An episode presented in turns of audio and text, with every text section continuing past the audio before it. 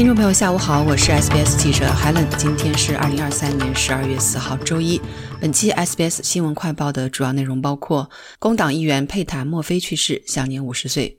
农业部长警告两大超市切勿趁圣诞涨价牟利；巴拉瑞特发生白人至上主义游行，警方因未实施逮捕而遭批评；维多利亚州工党议员佩塔·墨菲在与癌症的长期斗争后去世，享年五十岁。总理安东尼·阿尔巴尼斯含泪宣布了这位工党同事的死讯，并在讲话中赞扬了墨菲女士顽强的生命力和对当地社区的热情。佩塔·墨菲在2019年大选中成功扭转了自由党在墨尔本东南部邓克利的边缘席位，并在2022年大选中扩大了获胜优势。墨菲女士在2011年37岁时被诊断出患有乳腺癌，此后她又被诊断出患有第二种癌症。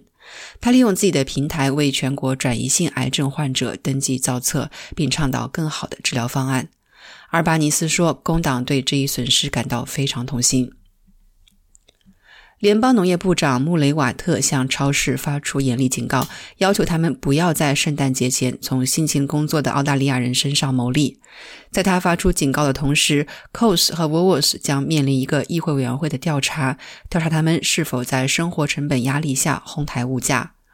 绿党领导的调查委员会于本周成立，将调查食品杂货价格、市场力量和巨额利润空间。两大超市的老板将被传唤参加听证会。绿党参议员尼克麦金告诉七号台的 Sunrise 节目，此次调查将查明超市巨头们到底付出了多少成本。他说：“我们对此非常期待。如今在超市结账时，你不可能不对购物车里价值多少澳元的食物和杂货感到震惊。而与此同时，Coles 和 Woolies 却赚取了数十亿澳元的利润。”维多利亚州警方因为在巴拉瑞特发生至上主义游行后未实施逮捕而受到批评。周日，二三十名身着黑衣的蒙面男子高喊着口号，举着写有“澳大利亚属于白人”的横幅，沿着斯图尔特街的主干道上游行。尽管有警车在这群人的前后行驶，但没有人被捕。警方称，他们还在调查关于示威者行纳粹礼的报道。在十月份通过新的州法，禁止在公共场合展示或表演纳粹党使用的标志和首饰之后，这种行为已成为非法。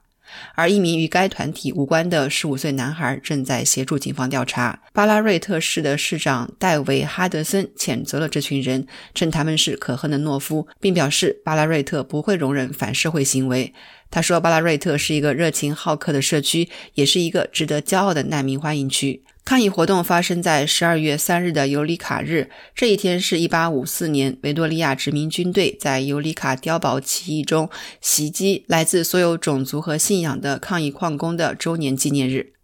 好了，感谢收听本期的 SBS 新闻快报，在任何播客平台搜索“新闻快报”，点击订阅，开启消息提醒，即可了解澳洲国内外新闻及社区信息。